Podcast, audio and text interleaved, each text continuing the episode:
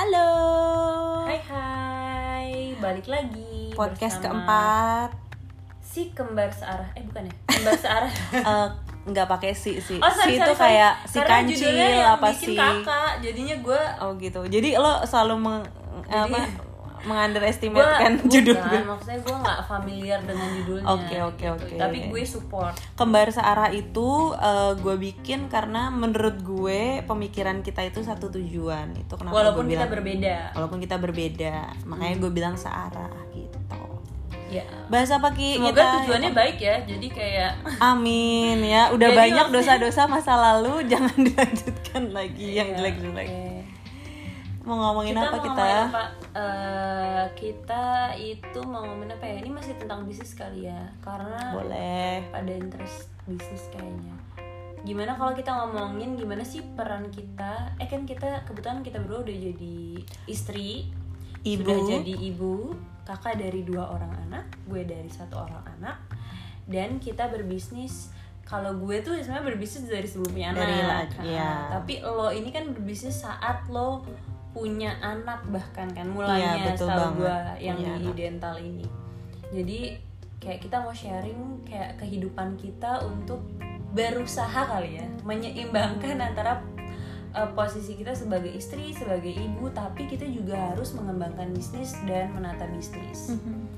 Uh, dari lo dulu kali ya since lo bener-bener yang kerasa perubahannya lo dulu lo kan uh, sekarang punya tuh gue kakak tuh udah punya tujuh cabang di Ya. dental alhamdulillah Alhamdulillah, Semoga lancar ya, alhamdulillah, alhamdulillah. Nah, gue tahu banget struggle kakak dari nol waktu itu uh, membangun itu dari kamu bener-bener apa ya uh, kerja di klinik orang dan segala macam. Ceritain dong kak, dulu tuh apa ya trigger awal kenapa kamu kayak akhirnya decide kayak oke gue bikin klinik sendiri deh.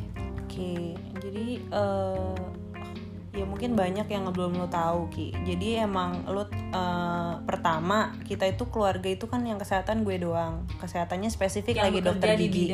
Iya betul. Jadi emang nggak ada eh, saudara ya- atau keluarga yang dokter gigi juga. Jadi saat itu emang pas gue lulus, ya gue sempat agak hilang arah sih. Hilang arahnya semua pekerjaan yang berhubungan dengan dokter gigi gue coba gitu. Mau di rumah sakit, mau di perusahaan gede gitu ya. Kasih kasih ini dong, kasih highlight kayak pengalaman lo di masing-masing kerjaan itu dan apa momen yang kayak lo keinget aja satu momen aja. Kayak gue misalnya contoh ya cuma satu momen gue inget di mana gue mulai pertama kali kerja itu magang gue di daerah Utan Kayu. Rumah kita kan jauh banget dari situ rumah kita di Tangerang itu gue yang ada gue tiap hari nangis cuman gara-gara perkara di jalannya misalnya kayak lama banget anjir berangkat Eh, gue jam, kerja pernah jam. di Serang, men. Nah, Lebih jauh mungkin gue. nggak happy dengan Yes, kerjaan dengan gue. Jadi prosesnya. yang gue highlight dari saat itu adalah gue cuman oke gue nggak cocok nih kerja akhirnya gue ini.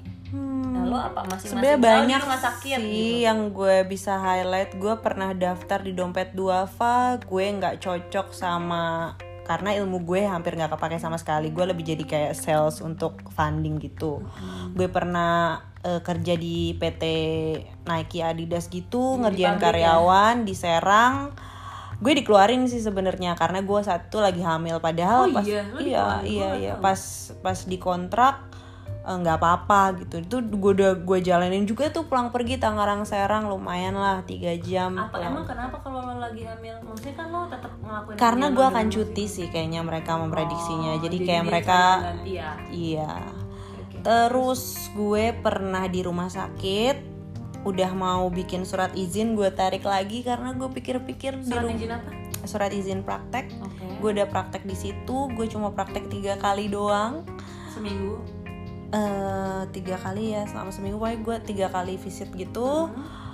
Gue yang datengin pasien sendiri terus alat-alatnya bener-bener ya ampun gini banget ya gue jadi dokter gigi. Jadi mungkin karena rumah sakit dia nggak concern ke alat-alat dokter gigi. Jadi gue juga ngerasa kayak aduh kayaknya yang ini juga bukan gue deh gue pernah daftar jadi PNS hampir masuk Iya, yang terakhir kayak, dan gue gugur. bukannya gue meremehkan PNS enggak loh. Cuman gue tahu banget sih Fatih kakak dan itu nggak cocok banget jadi PNS juga. gue itu beberapa buku gue lahap dalam beberapa hari jadi bahkan gue pas keterima gitu ya gue keterima eh gue maksudnya gue masuk tahap selanjutnya nih.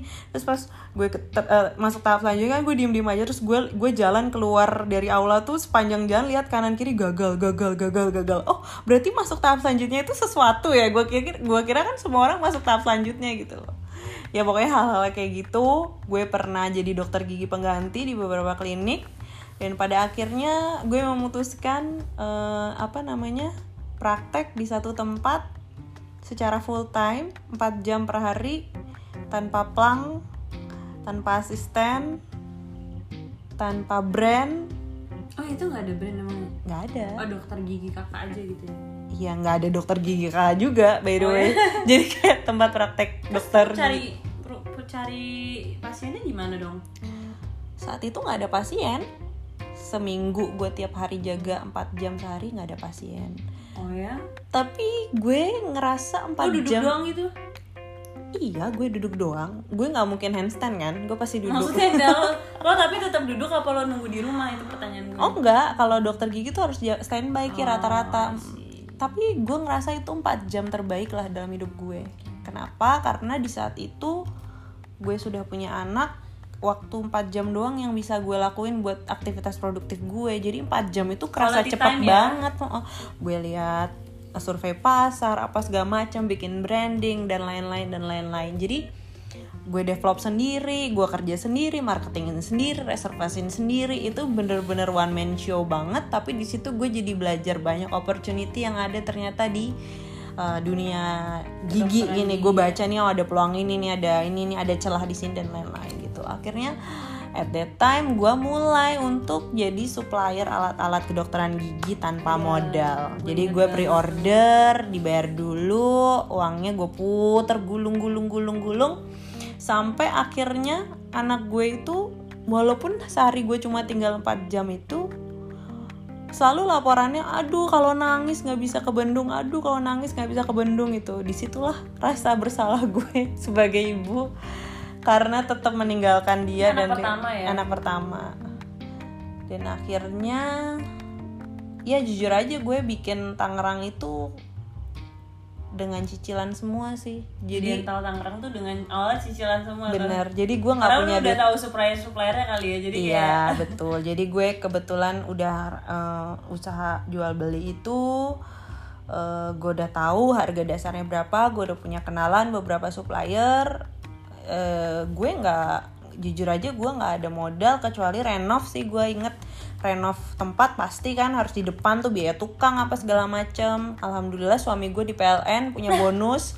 Jadi gue rayu-rayu dikit lah minta uangnya untuk bisa renov itu ya. Eh, dan dia mengerti posisi gue saat itu. Gue bilang gue harus deket sama anak gue jadi gue praktek gue bilang ke orang tua gue yang punya ruko mah aku sewa di ruko mama aja deh tapi aku sewanya dua kali lipat bayarnya jadi gue udah pede banget kan eh ya akhirnya jadilah Idential Tangerang itu tanpa alat cabut di hari pertama, tanpa komposit di hari pertama. Mungkin kalau dokter gigi tahu komposit apa. Jadi emang semuanya itu sofanya dari rumah, mejanya dari rumah gitu. Jadi emang nggak ada interior yang beli khusus tapi ya ya terus itu gimana situ. gambarin keadaan lo saat itu waktu lo kerja jadi dokter gigi pertama di klinik pertama lo dan lo juga sebagai ibu yang busui juga seharian lo Happy gimana? banget gue. Lo bayangin deh. Pekerjaan mana di dunia yang gue bisa menyusui sambil gue berkarya? Karena di situ tuh Banyak gue bisa Kak. praktek, tapi ruangan sebelahnya itu Ini anak gue. Iya. Dan pasien-pasien gue tuh bukan bukan pasien sekitar, emang karena gue online kan. Gue di Tangerang nih, pasien gue dari Balaraja, Cilegon, Pekalongan, pasien gue dari Cina. Mereka jauh-jauh nih ke tempat gue yang kecil merintil itu. Dan gue masih bisa deket itu sama anak gue. jadi yang nyamperin bukan lo nya tapi mereka aja gitu. Yes. Dan gue juga nggak tahu gue pakai pelet apa ya, tapi maksud gue ternyata gue tetap bisa salurin passion gue tanpa gue harus meninggalkan kewajiban gue sebagai ibu untuk mengurus jadi anak gue yang masih kecil. nyusulin in between tuh Iya. between. Jadi antara pasien gitu, kalau udah kan pasien semua reservasi tuh. kalau emang anak gue butuh nyusu ya gue keluar dulu gue susuin dulu gue balik lagi Jadi pasti lo nungguin lo nyusuin. Oh iya, mereka mungkin nggak tahu ya, cuma Ah, iya, bilang cuma dokternya dokter lagi, lagi, iya, la- dokternya lagi apa, lagi ada pasien Iya, itu. iya, iya, iya. Tapi ya gue Karena saat lo itu, beda lantai sih ya atas gue jadi nggak tahu apa yang terjadi di atas. iya betul banget. Jadi saat itu sih gue berapapun yang gue hasilkan, walaupun ternyata wow gitu ya, crazy, itu it's ya. crazy ya. eh, ternyata Tuhan kasih gue permudah banget. Lebih beruntungnya gue adalah gila ya gue dikasih kesempatan bisa ngerawat anak gue sendiri sambil berkarya sesuai apa yang gue udah eh, dapetin selama ini. Dan itu menurut gue itu mahal banget. Nggak semua ki pekerjaan yang bisa Iya, kayak iya, gitu. Iya, iya. Ngerti kan maksud gue? Bisa share waktunya. Iya. iya iya. Dan gue tetap salut sih ibu-ibu kerja di luar sana. Maksudnya kayak mereka hebat banget. hebat sih. banget hebat banget. Bisa ya demi anak kebalik-balik lagi kayak gitu. Seru sih ya. Pokoknya itu berkembang berkembang terus sampailah sekarang dan masih belajar banget. Lo dong sekarang cerita lo gimana sekarang Gue gimana? udah lo semenjak Talula lahir apa yang kan gue emang berbeda berbisnis kan emang dari sebelum nikah ya kan sebelum Mhm. nikah bahkan eh tapi gue pacaran sama pasangan gue itu sebelum oma etnik jadi gue tuh memang merintis ibaratnya tuh disupport oleh maksudnya secara tenaga Iya. ya Mhm. oleh pasangan gue yang ini jadi yang pertama kalau nggak salah tuh nikah itu oma etnik umur eh, lima tahun deh kayaknya. Jadi lima tahun itu gue rasa ini anak gue si oma etnik ini udah mulai bisa dilepas. Makanya gue berani untuk masuk ke jenjang berikutnya yaitu pernikahan. Mhm. tapi emang yang gue takutin tuh justru bukan pernikahannya. Tapi yang gue selalu takutin adalah gue bisa gak sih bagi waktu gue dengan nanti kalau gue udah punya anak dan gue kerja. Karena sebelumnya sebelum gue nikah itu gue tuh kerja tuh ya, Gila selama lo, gue. bener-bener. melek tuh gue kerja gitu loh kak. Iya bener-bener nggak ada Ki, lo nggak ada rehatnya? Sementara gue rehat ada. terus gue kayaknya. Senin sampai minggu kerja dan gue pagi tuh waktu bener masih ngerintis banget tuh jam 7 pagi sampai jam 10 malam tiap hari. Even pacaran aja gue jarang gue inget banget. Jadi dan apa yang ada gue pacaran tuh malah orang bingung kali ya lo ngapain sih ki sefull itu? Karena emang kalau dalam Iya. bisnis tuh banyak banget Banyak orang banget, mungkin nggak ngeliat dan gue selalu bilang sama tim gue ya kita kan nggak punya modal. Maksudnya gini gue selalu bilang sama tim gue kita tahu apa yang kita kurang which satu pasti kurang dana. Karena kan kita nggak ada injection atau pinjam uang atau gimana. Tapi kedua kita tahu strength kita apa yaitu kita punya uh, kita punya tenaga kita punya pikiran dan lain sebagainya. Nah itu aja yang kita maksimalin. Dan kalau orang lain misalnya kerja jam 9 to 5 misalnya kita nggak bakalan bisa compete karena orang kerja 9 to 5 tapi mereka punya duit. Mhm. kalau kita kan nggak punya jadi kita harus kerja lebih untuk menyamakan orang yang uh, punya weakness kita tadi. Jadi itu kenapa gue kerjanya ngoyo banget. Tapi ada juga di satu titik yang bener-bener nyenggol gue di mana kalau gue kerja terlalu keras itu juga nggak baik buat kesehatan lo kesehatan Betul. mental lo. Karena gue ingat banget di waktu itu ada satu hari di mana gue diundang kan udah mulai tuh jadi pembicara pembicara terus gue bisa diundang uh, untuk jadi speaker barengan sama orang yang gue idolain which is kayak Citra Subiakto Hmm. Sujiwo Mata Mandang. Tuh gue udah excited ngomong ke orang-orang eh gue bakalan ketemu dia karena gue bisa nanya-nanya segala macem. Tapi tapi hari H gue di rumah sakit ternyata gara-gara Iya, iya, gue iya. overwork gitu. Jadi intinya itu juga nggak bakalan nolong lo ke mana-mana gitu. Dari situ gue jadi kayak lebih apa ya lebih balance lah. Sebenarnya gue udah lumayan lebih balance tuh sebelum gue menikah. Tapi pas menikah kan emang nggak mungkin nggak punya anak dong. Nah gue tuh lebih kayak takut bisa nggak sih nih gue bagi waktu antara si baby ini dan baby gue yang nomor satu si om nih tapi ternyata pas gue jalanin ketakutan gue itu berubah apa ya? Karena mungkin gue fokus sama tiap harinya ya. Jadi Iya, gue udah kasih pengertian. Gue pertama yang pertama gue lakuin adalah gue minta pengertian di tim gue yang mana gue akan berubah jam kerjanya karena gue punya baby apalagi waktu masih bayi kan waktu masih nyusuin. Gue akan nggak tiap hari ke kantor, gue dua hari sekali. Terus gue di kantor juga paling cuma 3 jam 4 jam karena gue nggak pakai neni. Hmm. Jadi gue kayak titipin ke mertua gue selama gue kerja, habis itu gue ambil lagi 3 jam. Kayak kadang-kadang titipinnya pas udah lagi tidur, jadi sebenarnya udah kepotong dia Iya betul banget. tidur kayak gitu habis itu gue kerja lagi dan for the rest gue bener-bener kerja di rumah di kamar gue tuh ada meja kerja gue tidurin dia. Kadang waktu dia masih bayi banget bahkan gue laptopan sambil gendong gitu-gitu sih. Dan Yes. itu gue lakuin dengan ya karena gue ngerasa kayak ngurus dua anak ya ya kan? Kan karena yang satu anak beneran nih gue gendong. Yang satu yang lagi di laptop yang gue lagi kerjain. Jadi menurut gue karena gue ngelakuin itu dengan happy dan tulus ya terjadi aja sih sampai anak gue sekarang udah agak gede dan gue ngerasa udah agak enak untuk kayak apa ya waktunya udah mulai agak lebih jelas lah. Dulu kan enggak ya Betul. kan jam tidur nggak jelas ini segala macam gue zombie banget kalau ke kantor. Mungkin emang bukan dari kuantitas kali tapi kualitas kan. Lo kasih berapa jam waktu lo exactly. untuk nah lo kerja. jadi belajar apa deh? Gue satu salut sama cewek itu multitasking tadi kan kita udah bahas. Hmm. kedua jadi lo jadi nge- nge- ngelakuin apa-apa tuh efisien gitu loh kak betul banget. Jadi lo nggak menilai sesuatu dari berapa lama berapa banyak tapi lo ngeliatnya hasilnya aja gitu. Dengan lo ngerjain seefisien mungkin lo bisa mencapai target yang sama dibanding uh, lo sebelumnya. nge-push ya. Dan fun fact about Oma Ethnic justru gue mendapat progres yang sangat sangat besar di sales dan progres yang sangat besar di kinerja perusahaan gitu itu justru setelah Talula lahir itu Oke. aneh kan di saat itu gua bukan punya- hanya rezeki anak kan maksud lo maksudnya iya, di- iya, maksudnya ada gue yang percaya beda ada yang lo rezeki lakukan anak kan itu gue percaya banget Mhm. tapi gue juga percaya di mana preparation itu juga bakal dan efisiensi itu bakal mem- membantu lo ke tujuan yang sama gitu loh Betul, Kak. jadi betul. kayak apa ya eh, di saat gue punya waktu misalnya 24 jam untuk ngurusin ometik belum tentu hasilnya lebih besar di mana di saat gue punya waktu eh, 10 jam buat ometik di hari itu. Iya. kalau lo maksimalin ya siapa tahu bisa sama sama aja gitu. atau bahkan lebih besar kan? Atau bahkan lebih besar ditambah si rezeki anak kayak gitu. Jadi segala yang gue takutin tuh jadi runtuh dan gue malah ngerasa it's a blessing lo jadi cewek lo bisa kayak ya tadi kayak lo ya ini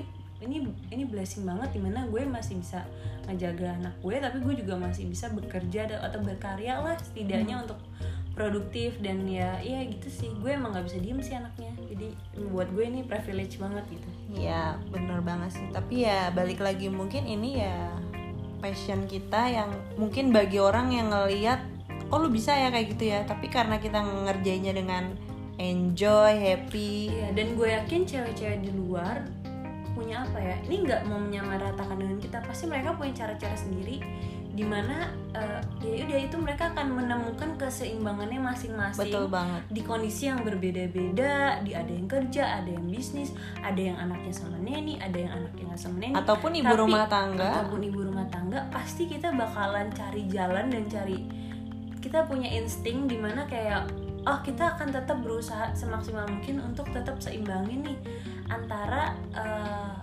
anak dan pekerjaan. Walaupun ya keseimbangan itu nggak akan pernah ada ya. Even segede-gedenya kita prepare pasti ada ketidaksempurnaan di situ. Cuman ya ya it's, it's okay kan that's life gitu. Maksudnya emang nggak sempurna dan so Hmm. Dan far ya kita terus jalan belajar kan. sekarang. yang penting kan belajar terus dan bertanggung jawab. Nggak nggak yang angkat tangan terus bye gitu yang literally kayak nggak mikirin sama sekali anak dan lain sebagainya gitu Tapi mungkin gini Ki, insight ini tuh bisa, maksudnya sudut pandang ini tuh bisa berguna buat teman-teman yang mungkin nggak kepikiran, aduh gue bisa nggak ya? Teman-teman perempuan kita misalnya ada yang kepikiran, bisa nggak sih gue nanti membagi waktu gue antara keluarga gue, anak gue, kerjaan gue? Gitu. Ya mungkin dengan kita ngasih contoh nih, gue sama lo kan di dua bisnis yang beda kan, dengan cara kita yang berbeda pun kita sama-sama bisa menyesuaikan kita untuk bisa menjadi tiga eh, apa namanya pekerjaan itu dalam waktu yang bersamaan. Iya. Jadi kalau misalnya kadang kita memikirkan sesuatu, gue juga dulu nggak kebayang sih dulu gimana ya nanti ya gue kalau udah punya anak atau apa. Tapi setelah dijalanin, saya enjoy itu sih. Ya, Maksudnya gue malah lagi kan gue nambah bisnis Iya, baru, nambah bener, bisnis baru. bener. Ibaratnya anak gue walaupun gak nambah tapi yang diurusin nambah. Berarti kan gue kan Betul. saking Masih kayak lebih masih punya pede banyak gitu waktu, kan. yes. Iya. Walaupun emang rempong sih. Cuma maksudnya um, ya ya emang cewek menurut gue punya privilege untuk bisa multitasking tadi dan punya ya itu punya tapi menurut gue bisa. apa pun yang lo lakuin lo pasti punya inilah punya punya alasan terbesar kenapa Iyalah. lo melakukan itu kayak gue Iya. nih lo gila lo agresif banget sih kenapa sih lo buka-buka terus kayak gitu ya Eh, emang lo kaya banget apa gimana gitu ya misalnya ya sekarang lo bayangin aja semua perusahaan berlomba-lomba mengeluarkan karyawannya. Terus siapa yang mau nampung karyawan yang dikeluar-keluarin dulu? Gue tahu sekarang tuh bukan omset terbesarnya dokter gigi. Ya iyalah misalnya ya sekarang lo tau lah dokter gigi gimana. Tapi gue yakin banget dengan sistem yang udah gue buat dengan baik kinerja yang baik seiring dengan ekonomi naik tuh perusahaan gue akan naik. Dan ini waktu yang tepat gue nge-hire orang-orang yang butuh pekerjaan. Paling enggak walaupun karyawan gue bukan seribu sepuluh ribu sejuta dua juta tapi paling enggak gue yang berpartisipasi lah buka Iya, lowongan iya, kerja. Gitu. Itu sih motivasi terus lo gue. gak ngomong doang ya ngeluh ngeluh ngeluh ngeluh tapi lo gak ngelakuin apa apa gitu. Yes, ya gue kontribusinya apa ya? Ya udah gue buka lapangan kerja aja. Gue nggak nggak mikir oh gue cuan banyak, gue bakal jadi Iya, apa belum gitu lah ya, Jadi jadi emang belum. mindsetnya itu emang gue agak berbeda nih. Sekarang menurut gue waktu yang tepat di saat pada yang tutup ada opportunity Iya, iya, iya. apa-apa Ya, gitu. Jadi usaha gue yang terakhir si tumbuh ini juga sama kayak admin kita misalnya dia di di di, di PHK juga dari dari apa dia tadinya kayak resepsionis hotel Hmm. gitu dirumahkan gitu gitu ya sama sih sebenarnya eh, kok pandemi ini malah bikin bisnis loh bukannya malah apa ya menurut gue dan gue lihat dari sejarah juga ya Mhm. justru banyak banget loh orang kaya yang lahirnya tuh lewat betul krisis banget, ekonomi bener banget. jadi di di saat krisis justru justru mereka kayak memanfaatkan sebaik mungkin dan tetap fokus untuk berkarya sebaik mungkin dan akhirnya mereka make it sampai situasinya udah selesai ya mereka Tinggal- jadi yes. tinggal menua jadi menurut gue kayaknya daripada ya ya daripada merenung atau kayak atau komplain mungkin kok ini kok gini terus ya kok ini Mhm. susah ya segala macam kenapa nggak kita cari apa ya rutinitas baru yang mungkin selama ini jangan-jangan rutinitas kita yang kemarin-kemarin tuh bukan yang terbaik buat kita loh Betul banget. bisa jadi ini cara bumi untuk remind kita kalau eh yang kemarin tuh kurang baik deh kayak kamu harus Coba kamu lagi, cari yang coba cari lain, yang lain benar. kok ada kok yang lain kadang kita nggak melihat kayak kita sekarang lebih bersyukur kita ketemu keluarga apa segala macam kemarin kemarin enggak kan kayak Hmm. baik datang datang ke rumah habis itu pergi kantor habis itu pulang kantor udah capek habis Hmm. itu udah kayak quality time-nya hilang banget kan tapi sekarang misalnya gara-gara pandemi ini loh yang paling berharga ditunjukin Hmm. lah kita nggak boleh ketemu orang lain selain keluarga kan jadi kayak menurut gue sebagai orang yang lumayan filosofis menurut gue justru di ini di saat lo bisa ada di dalam krisis dan lo masih bisa berkarya itu justru justru itu apa ya healing healing proses yang luar biasa sih menurut gue. Gue ngerasain banget sih eh, ya oke lah. Ya balik lagi ya mungkin bisnis untuk apa sih? Oke creating money eh, apa eh, membuat uang gitu. Tapi eh, gue mau share gini ada masa di mana gue hari itu tuh mendapatkan keuntungan yang banyak banget.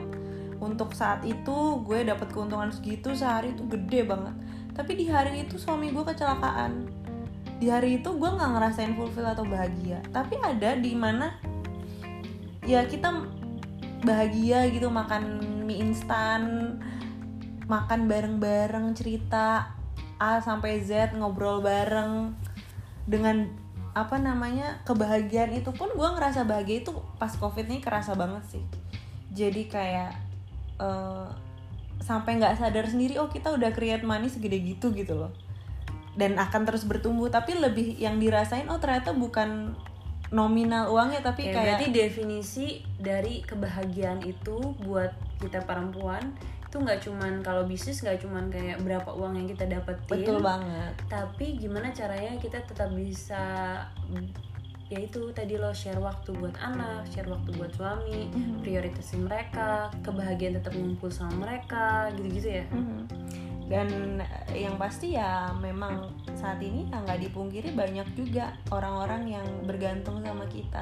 Iya sih. Gue juga sama makanya gue juga nggak ada ke nggak ada waktu buat kayak aduh gimana nih besok? Karena menurut gue anjir lo jangan lemah gitu. Kayak gue selalu kayak ya dong. ngepacut diri sendiri kayak eh lo nggak boleh lemah jangan lo tuh terlalu cepat menyimpulkan sesuatu deh Iya, pokoknya. terus kayak lo nggak usah lo udah lo mikir aja. Maksudnya covid nggak covid lo akan ada challenge baru gitu loh. Jadi Yes. kayak jangan fokus ke covid ya tapi kayak lo lo harus cari solusi nih karena karena orang tuh nggak gimana ya kalau lo udah di titik di mana eh, lo udah nggak sendirian maksudnya kayak lo udah memikul nggak memikul siapa yang membawa Punya tim punya jawab. tanggung jawab Hmm. gitu kan kalau lo bersedih hati yang kelamaan ya tim lo nggak bisa nungguin lo emang sedih hati lo bisa ngasih makan tim lo Bener gitu kan banget. jadi kayak akhirnya sekarang bener-bener kayak udah fokus sama apa hari ini fokus sama uh, berbuat eh menanam menanam apa ya kebaikan yang kita yakin suatu saat kita tua ya dan lain sebagainya sih itu yang gue lakuin juga sih Mhm.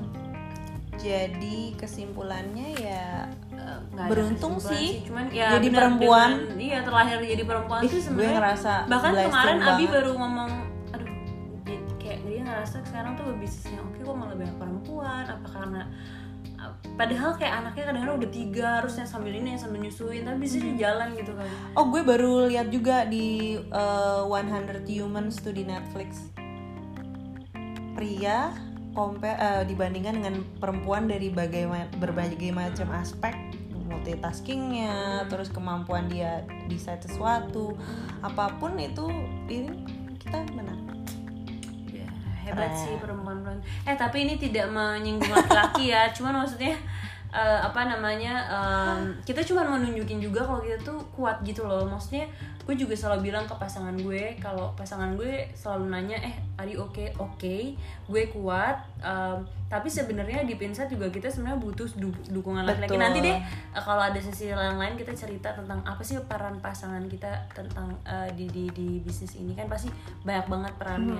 Seperti kalau kesuksesan laki-laki ada perempuan, Perempuan yang hebat, hebat, di- di balik perempuan yang bener gitu saya nggak usah hebat-hebat amat pasti ada laki-laki yang itu berperan besar di kesuksesan di karirnya gitu. Sama Yes. sih sebenarnya semuanya Oke, okay, cukup kali ya. Oke, okay, Deki. Thank you ya. Thank you semua yang udah dengerin. Thank you semua. Bye. Bye.